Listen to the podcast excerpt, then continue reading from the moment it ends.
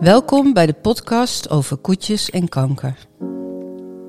Mijn naam is Evelien van der Werf en ik ga in deze podcast op zoek naar antwoorden op de vraag: hoe pak je de draad van het leven weer op als je kanker hebt gehad? Vandaag zit ik heel erg leuk aan tafel bij Anita Schimmel van Bratel BH's. Welkom Anita. Dankjewel. Stel je eens voor, wie ben jij? Ik ben Anita Schimmel. Ik ben 57 jaar, getrouwd, geen kinderen. Ik woon in het midden van het land in Amersfoort. Mhm. In 2015 kreeg ik de diagnose borstkanker.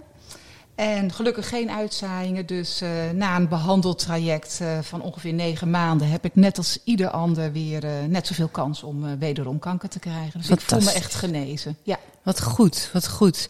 hey, en um, wat doe jij precies? Want ik, ik stelde je voor als Anita van de Bratel BH's. wat is een Bratel BH? Ja, een Bratel BH is eigenlijk nu nog een idee, een ontwikkeling. Mm -hmm. En wij willen heel graag met Bratel een BH ontwikkelen voor vrouwen met chronisch borsttoedeem na een behandeling tegen borstkanker. En als je zegt van wie ben jij? Ja, ik ben, vind ik zelf, een ondernemer in hart en nieren. Ik ben, uh, kom van een boerderij, opgegroeid als boerendochter. Wat dus uh, ja, altijd gewoon ook uh, hard meegeholpen natuurlijk. En ja, dat is wel zeg maar wie ik ben. En wat ik ook graag zou willen zijn. Ja, Wat een hardwerkende vrouw. Ja. Ja, wat leuk, wat leuk. Hey, um, je had het over um, um, een chronisch borstoedeem. Wat is dat, een chronisch borstoedeem? Nou, eigenlijk heeft iedereen die een operatie heeft, heeft wel iets van vocht, zeg maar. Hè? Dus het wondvocht. Aan de, aan de buitenkant kan een, een litteken al heel mooi genezen zijn, maar aan de binnenkant, waar het huid natuurlijk ook veel zachter is, um, duurt dat gewoon veel langer.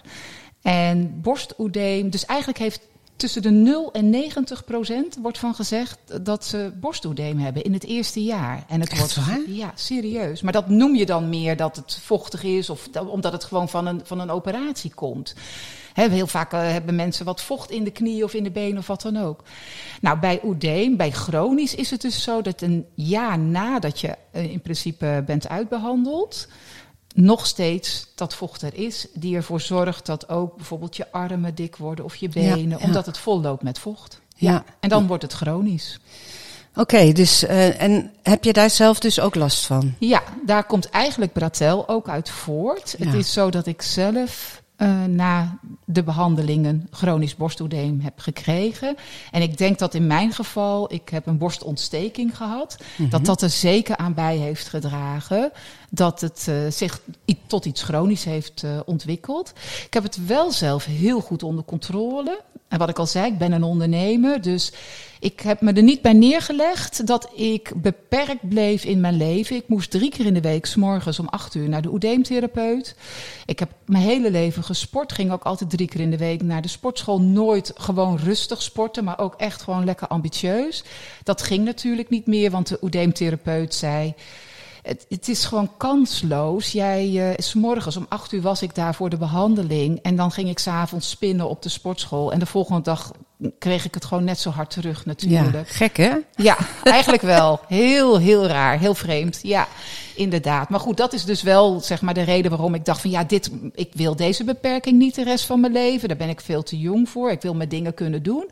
Dus toen ben ik zelf op zoek gegaan van en hoe zou ik daar nou eens vanaf kunnen komen. Wat goed, wat fantastisch. En dat is gelukt. Ja, dat, dat hoor je heel vaak, hè? dat uh, mensen zelf iets missen en dan op zoek gaan naar de oplossing. Die is er niet en het vervolgens zelf gaan uh, verzinnen. Ja, klopt. Ja. Zo ont, ontstaan misschien wel de mooiste en leuke ideeën. Ja, ja. absoluut. Hey, en um, wat is dan wat, wat uh, doe je dan met, uh, met een Bratel BH? Wat, wat, want bijvoorbeeld een, een normale BH. Is dat alleen voor mensen die. Dat is natuurlijk alleen voor mensen die een borstamputatie hebben gehad?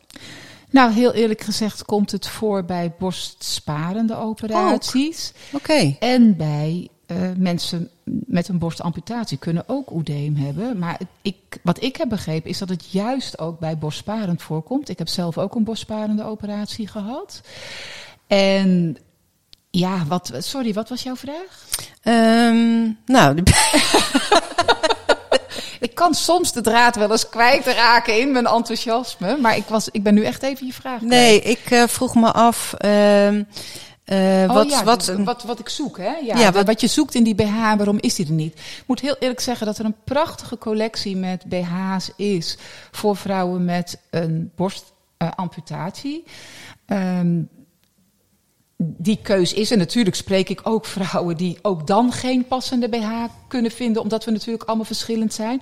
Maar voor mensen met borstoedeem is er wel iets. Er zijn medische hulpmiddelen. Alles ziet er ook heel medisch uit. En ik heb dat ook geprobeerd, bijna allemaal. Er zijn ook losse hulpstukken als pads die je onder je armen kunt dragen en in je BH kunt dragen. Maar ik vond het punt 1 absoluut niet mooi. Dus echt niet charmant. Voelde me heel erg ongelukkig door. En ehm, het is, je, je vraagt je af waarom is er niet gewoon een mooie BH? Waarom moet het er medisch uitzien? En dat heeft gewoon Ja. mij gebracht dat ik dacht van ik ga dat dan gewoon zelf doen. Wat goed. Want inderdaad, wat je zegt, je zal dan altijd eh, ja, een, een beschadigde vrouw blijven. Hè? Dat, Precies, en je dat, dat eigen waarde, echt. En ik ga ook gewoon dan nadenken. Kijk, ik ben gewoon 57 en ik ben getrouwd en al jaren. Maar je zal 30 zijn. Ja. En de- de- ook die vrouwen krijgen eh, borstkanker en die krijgen ook borstoedeem. Dat je met zo'n enorm hulpmiddel, als je een gezellige avond uit bent geweest... Ja. eh, dat je je uitkleedt of, of s'morgens aankleedt. Hoe ongelukkig moet je je wel niet voelen? Ja, het is zo grappig dat je dat zegt. Want eh, nou, mijn beide borsten zijn ook geamputeerd. Op de verjaardag van mijn vriend notabene. Dus ik heb hem ook een geweldig cadeau gegeven op die dag. en wat ik toen gelijk ook tegen hem zei van... Nou, lieve schat, je weet in ieder geval dat ik never nooit vreemd zal gaan. ja. Ehm, Terwijl dat het natuurlijk niet is, Everdien. Je, Nee. Je bent hè, wie je bent. Het zit natuurlijk niet in borsten, dat weet ik ook. En toch, het geeft gewoon zelfvertrouwen als je het gevoel hebt... 's morgens voor de spiegel dat je er leuk uitziet. Nou, maar even doorhalend op wat ik zei. ehm, moet je je voorstellen dat je eh, single bent en graag een relatie wil. Ja. eh, en je hebt geen borst of borsten. eh, ja, hoe doe je dat dan? En, en hè, dat is natuurlijk wel een heel. Enorme puzzel. Dat is een enorm dilemma. Ja. En dan kan je inderdaad zeggen, ja, daar gaat het niet om. Maar als jij op een gegeven moment verliefd wordt, wanneer ga je dan vertellen, Vertellen. dat je maar één of Ja. geen borsten Ja. hebt? Of dat je eh, implantaten hebt, of weet ik veel wat je allemaal hebt. Ja. Eh, niemand is natuurlijk perfect. Maar dat is best, zijn best wel dingen eh, waar je mee aan de slag moet als vrouw. Absoluut. Of kan. Ja. Ehm, voor mijzelf, ik heb eh, op een gegeven moment toen ik geamputeerd was, weet ik ook nog heel goed, kwam ik uiteindelijk bij het eh, Helen Dowling Instituut eh, terecht. Ja. En daar hebben ze me geholpen om te accepteren wat er allemaal was, maar ook dat ik vrede kreeg met de situatie. Ehm, en het was heel erg goed daar, want ik werd op een gegeven moment door een haptonoom voor de spiegel gezet. En ik moest mijn eigen ja, borsten eh, gaan voelen hoe dat, hoe dat voelde. En, en ik had ook zoiets tegen haar van, eh, ik heb helemaal geen borsten. Hè, dus zij heeft mij uiteindelijk geleerd om weer ja, vertrouwd te raken met mijn borsten. Ja. Borstkanker, borsten. Eh, ik heb ook wel gehoord van een oncoloog dat er enorm veel scheidingen zijn na borstkanker. Hè, omdat mannen ja. ja, afwijzen en dat gewoon niet willen. Of ook omdat wij natuurlijk denken dat en dan ook afstand nemen. Ik, Ja. ik geloof dat het altijd samen gaat. Natuurlijk. Echt. Ja, natuurlijk. Ik heb echt eh, een partner die altijd zegt van wat jij wil, schatje. Ja, Dus als het iets heel ingewikkelds is of zo, dat, dat hij gewoon, hij accepteert ook gewoon de situatie. Ja. ja, maar dat is heel erg mooi. Maar ik denk inderdaad dat er heel veel vrouwen rondlopen die dat, ja, die dat niet hebben. Nee. En zoals eh, wat jij dan, waar jij nu mee bezig bent, is juist zo mooi. Dat je daar eh, iets aan kan toevoegen. Ja, dat wil ik ook gewoon heel erg graag. Het kwam ook wel een beetje door de chirurg. Toen hij mij zag bij de jaarlijkse controle. En dat dus bleek, zeg maar, dat ik dat nou ja, eigenlijk heel goed onder controle heb op dit moment. Dat je, als ik echt gewoon oppas, dat ik geen ophopingen krijg van vocht. Toen toen zei hij ook van, ja Anita, dit is echt iets wat je moet delen. Dit moeten alle oncologische verpleegkundigen, mama care verpleegkundigen moeten dit gewoon weten. En oedeemtherapeuten ook. En natuurlijk, oedeemtherapeuten weten als geen ander dat er hulpmiddelen zijn, maar dat het zo goed werkt en dat je het ook nog wil iets moois van wil maken, dus dat je weer een beetje eigenwaarde terugkrijgt. Ja, dat, dat moet je delen. Dus toen dacht ik, nou, hij heeft ook wel dat laatste zetje gegeven van uh, kom op, je gaat het ook voor andere vrouwen doen. Ja, wat goed, wat goed. Want inderdaad, het begint allemaal bij, bij jezelf. Bij jezelf accepteren en daarna ja, groei je daar enorm van natuurlijk. Wat er op je pad komt, toch? Ja, fantastisch. Ja, je, je, gaat natuurlijk nooit van je leven zeggen: Ik heb kanker gehad en daarom ben ik nu wie ik ben of zo. Maar het is wel zo dat er ook heel veel deuren geopend zijn. Mm Ja, als je inderdaad die ervaring niet hebt gehad, ja. dan weet je ook niet dat hier behoefte aan is. Klopt. Nee, dat klopt. Ja. Hey, want um, Jij hebt dus eh, zelf die borstkanker gehad. En um, kan je heel kort beschrijven wat jouw traject was? Ja. Uh, eh, 1 maart, zondag, naar de sportschool geweest. Daarna ging ik altijd uh, douchen en een joggingpak aan en dan naar huis. Ik zit op de bank, weet echt niet meer waarom. Maar ik doe gewoon met mijn handen, veeg ik over mijn thorax, mijn borstpartij. En ik ik zei gelijk tegen mijn man, er zit een knobbel. En uh, ik morgen naar de huisarts. Dus ik die maandag daar naartoe. Ik heb een vrouwelijke huisarts. Ze zegt, uh, zullen we even kijken of het ziekenhuis plek heeft? Ik kon direct doorrijden. Ik was ook alleen bij de huisarts. Ben ook alleen naar het ziekenhuis gegaan. Ik had wel even mijn man geappt. Ik ga nu gelijk door. En uh, nou ja, diezelfde dag, daar wisten ze al dat het mis was. Dus ook een aantal uh, onderzoeken gehad. terugkomen na een paar dagen en horen dat ik inderdaad in de melkklier een kwaadaardig gezwel had zitten, die er inderdaad uit moest. Maar de, de tijd tussen het onderzoek en het wachten. Ik heb het bijna niet gehad omdat het zo ontzettend, ontzettend snel ging. Ik ben 18 maart al geopereerd. Dus in, uh, in, in iets meer dan 14 dagen tijd was ik geopereerd. En uh, dat ging eigenlijk, was het ook een, een prima operatie, moet ik zeggen. Ik heb daar ook uh, weinig problemen, met de, ook met de genezing en dergelijke gehad. Um, daarna zou ik bestralingen krijgen, omdat ja, het was dan een variant 3 of zo. Dan moet je wat extra bestralingen krijgen. Dus dan krijg je nog op die ene plek nog vier of vijf extra bestralingen. Dat een aantal weken natuurlijk iedere dag naar het UMC in Utrecht, s morgens om 8 uur. En dan, uh, dat duurt natuurlijk maar een paar minuten, die bestraling. Het was wel, ik heb het aan de linkerkant, dus dat betekent dat je hart beschadigd kan worden. Dus ik moest eerst een paar weken oefenen met mijn adem inhouden.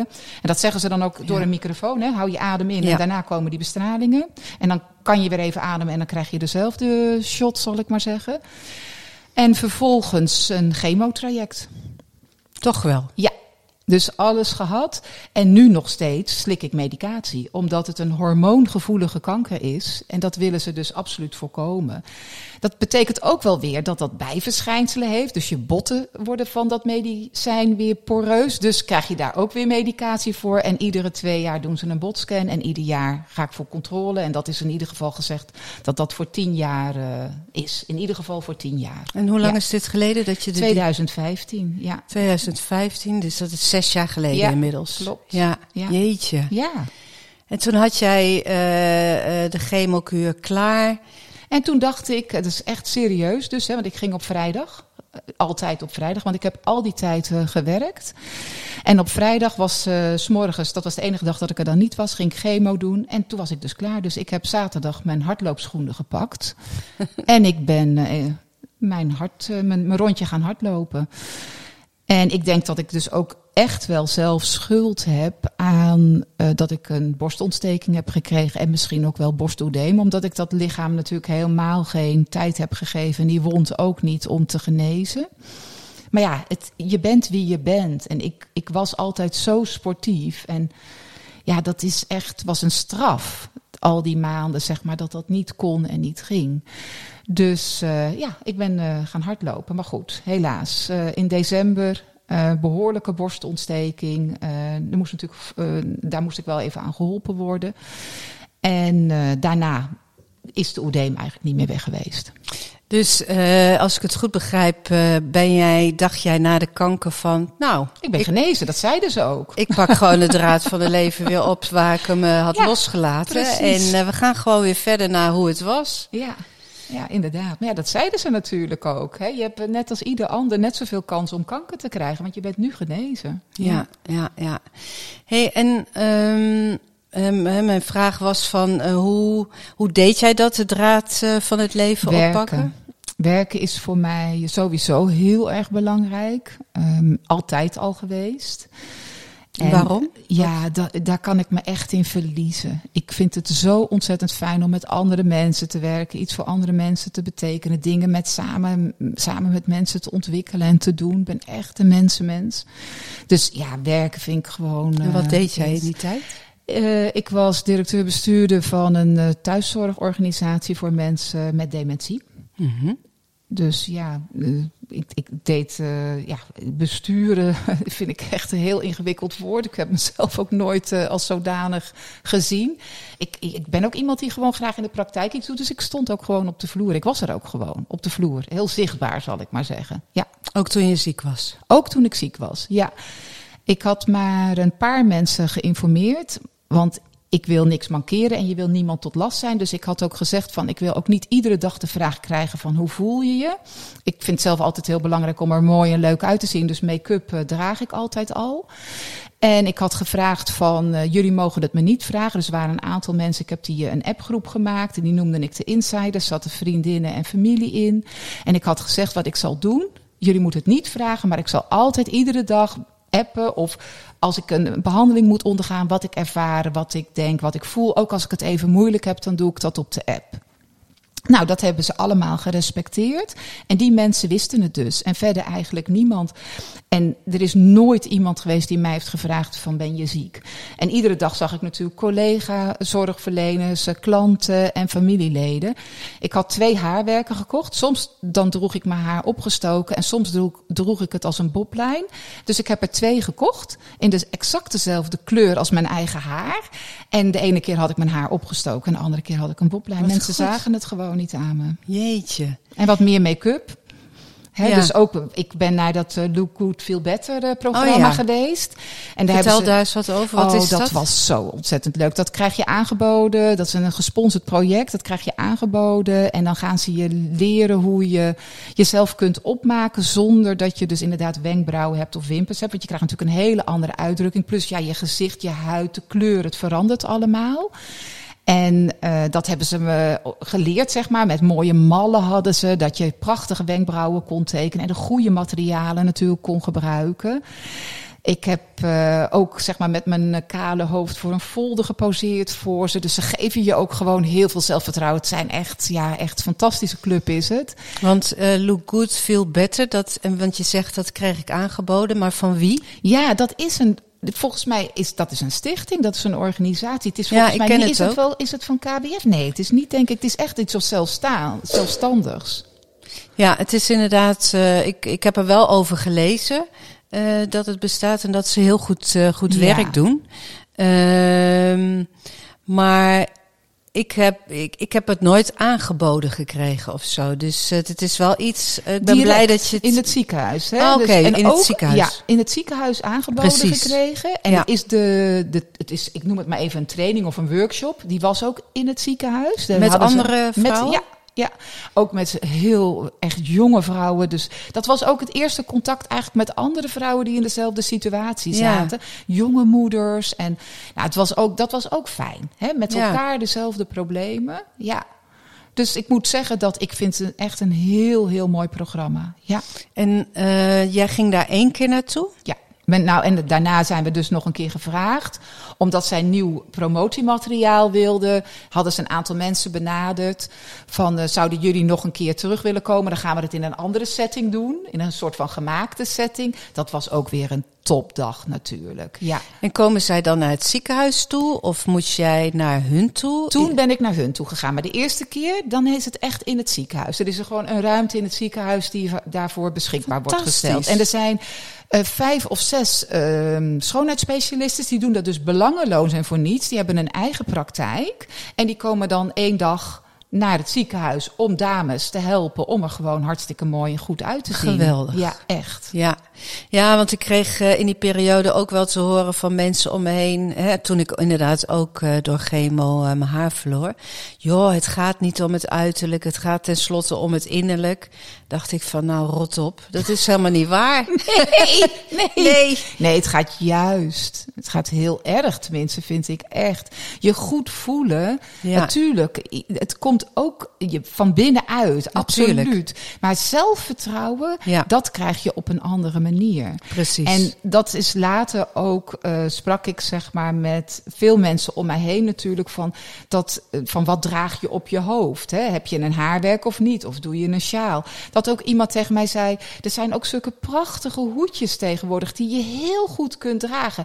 Wat voor zelfvertrouwen geeft je dat wel niet? Als je gewoon met een hoed op de deur uit durft. Ja, ja ik vind dat gewoon echt, dat, dat, denk ik, dat is helpend, is genezend, echt. Ja, ja, het is inderdaad of je nou naar jezelf kijkt als kankerkop, hè, om het maar heel oneerbiedig te zeggen. Ja. Of dat je jezelf ziet als mens. Nou, je hebt toevallig dan uh, een periode een ziekte. Dat maakt wel heel veel mentaal verschil ook. Absoluut. Ja. ja. Hey, en uh, jij bent heel erg sportief, nog steeds en altijd geweest. Heb je dat tijdens de uh, kankerbehandelingen ook gedaan? Of heb je dat op een andere manier gedaan? Ik heb zoveel mogelijk, zeg maar, wel geprobeerd om uh, te bewegen en iets te doen. Uh, Was zo. dat op aanraden van, aanraden van de arts? Of nou, dat had je dat zelf bedacht? Nee, vooral ook wel natuurlijk omdat ze zeggen... ze bieden je trouwens ook in het ziekenhuis een heel mooi programma aan voor herstel. Alleen ik ben daar één keer geweest, maar mijn conditie was zo goed... dat ze zeiden, ja sorry, je gaat al gewoon veel te snel. Uh, dus dat heeft helemaal geen zin dat jij hier bij ons uh, komt revalideren als zodanig. Achteraf misschien had ik dat dus toch moeten doen... want dan waren ze er misschien ook eerder bij geweest dat ik toch te veel uh, deed. Zolang als het ging, um, heb ik wel geprobeerd iets te doen. Maar ik moet heel eerlijk zeggen dat die maanden, die negen maanden zeg maar, heb ik nagenoeg niet kunnen sporten. In ieder geval niet intens. Ja, en heb je dan het idee dat uh, als je niet intens sport, dat dat dan eigenlijk niks doet? Zit dat dan tussen je oren zo dat je dat. Het doet echt heel veel met Ja, je. juist. Nee, het juist. doet zoveel. Daarom zei ik al, hè, toen de laatste vrijdag, ik zaterdag mijn schoenen aan, de vrijheid. Mm-hmm. Om gewoon weer te kunnen gaan, als het ware. Toen was natuurlijk ook de wond echt ontzettend goed genezen, dacht ik. Hè? Ja. Want ik was in 18 maart geopereerd en ik heb het echt over zeg maar september, oktober ja, dat ja. ik weer intensief ging sporten. Ja. Dus je dacht echt wel dat het allemaal genezen was en dat het weer kon. Kijk, want in het begin na die operatie kan dat natuurlijk ook niet sporten. Dat wordt ook echt afgeraden. Ja. ja. Nee, maar ik ben het daarin op zich wel braaf. Zeg maar als zij zeggen van je moet binnen blijven of je moet dingen niet doen, dat ik ze ook niet doe. Maar ik dacht echt wel, ze hadden ook gezegd, dat je, je bent er. ja. Nou ga ik weer. Ja, ja. ja nou ja, ik, ik, ik uh, vraag het ook omdat uh, mijn eigen ervaring is zo. Ik was ook altijd heel sportief. Uh, ik ben na de laatste catechema naald, naald bij wijze van spreken net uit mijn arm. En ik uh, had een racefiets gekocht. Ja. Om de Alp, omdat ik had bedacht dat ik zes keer de Alp d'Huez ging uh, beklimmen. Totaal waanzin natuurlijk. Um, en uiteindelijk bij de cardioloog terecht kwam met uh, hartkloppingen en weer een op hol geslagen hart. Wat doen we onszelf aan, hè? Dat is inderdaad, je denkt nog ja. als van oud. Maar alles is veranderd. Ja. En wat ik daar wel van heb geleerd is, um, ik was heel erg zwart-wit denker, hè, van uh, no pain, no gain. En nu heb ik geleerd dat ieder stapje, uh, ja, ertoe doet. Ja. Hè, dat je, ook al ga je gewoon maar vijf minuten wandelen buiten, ja. dan ben je al bezig met iets goeds te doen voor je lichaam. In plaats ja. dat je er helemaal uh, bezweet. Heb je helemaal niet nodig. Dat hè? heb je helemaal niet nee, nodig. Daar heb nee. je echt gelijk in. En dat is wel lekker als je, uh, dat doe ik nog steeds. He, dat ik iedere dag denk, nou, ik zorg in ieder geval voor dat ik die 10.000 stappen maak.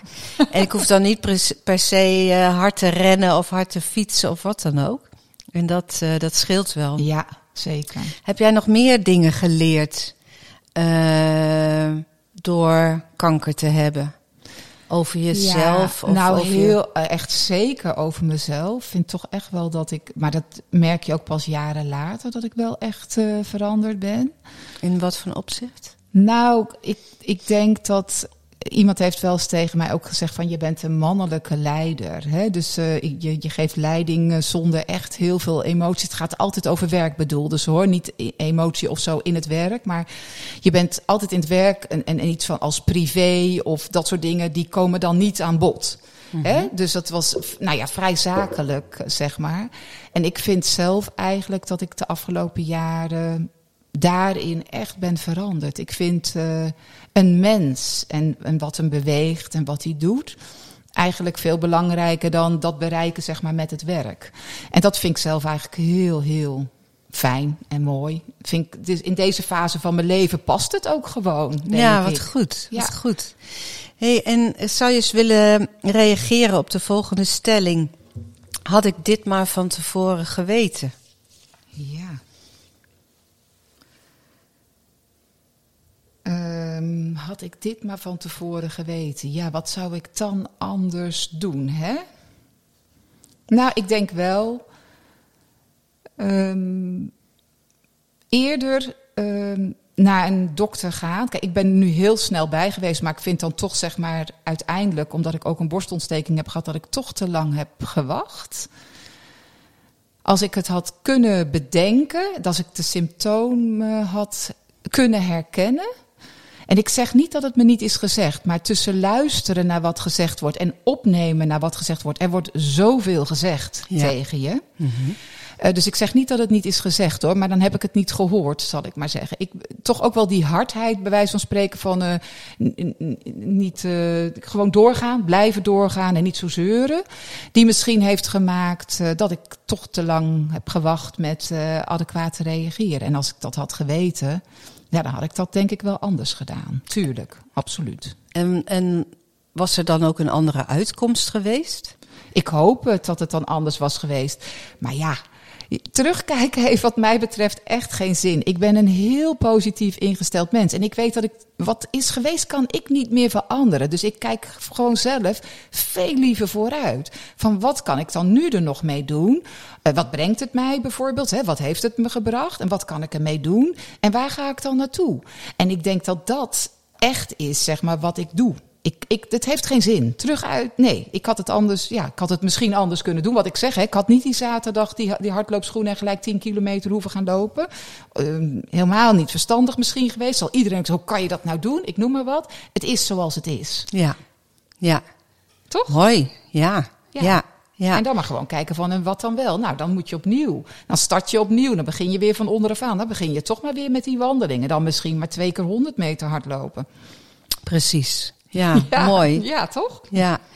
Hey, en eh, je, nou, dus je, je, eh, ik heb het idee dat je eh, redelijk weer goed in het leven, of redelijk, je, je staat gewoon weer goed in het leven. Ja. Je hebt een carrière switch ben je aan het maken Ja. hè, met Bratel. ja.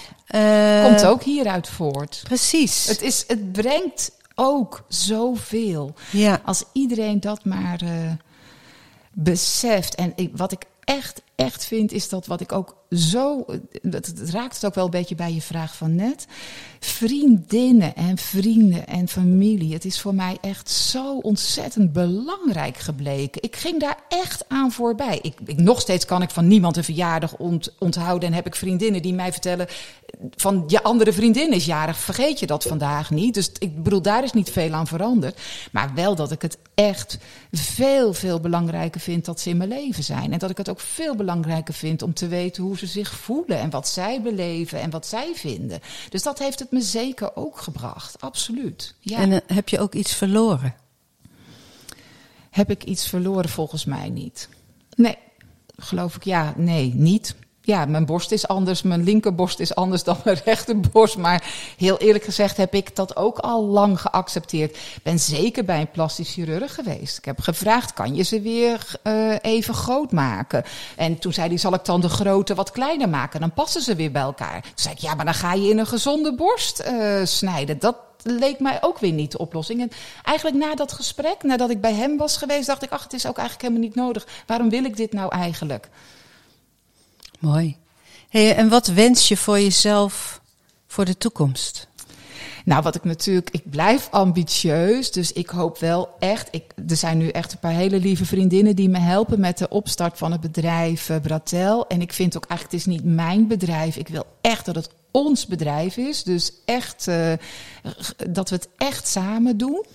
En ook als ik bij wijze van spreken een sabbatical neem van een half jaar of een jaar, dat het gewoon doordraait. Dat het niet meer van mij is. Dat ik niet meer die verantwoordelijkheid alleen hoef te dragen.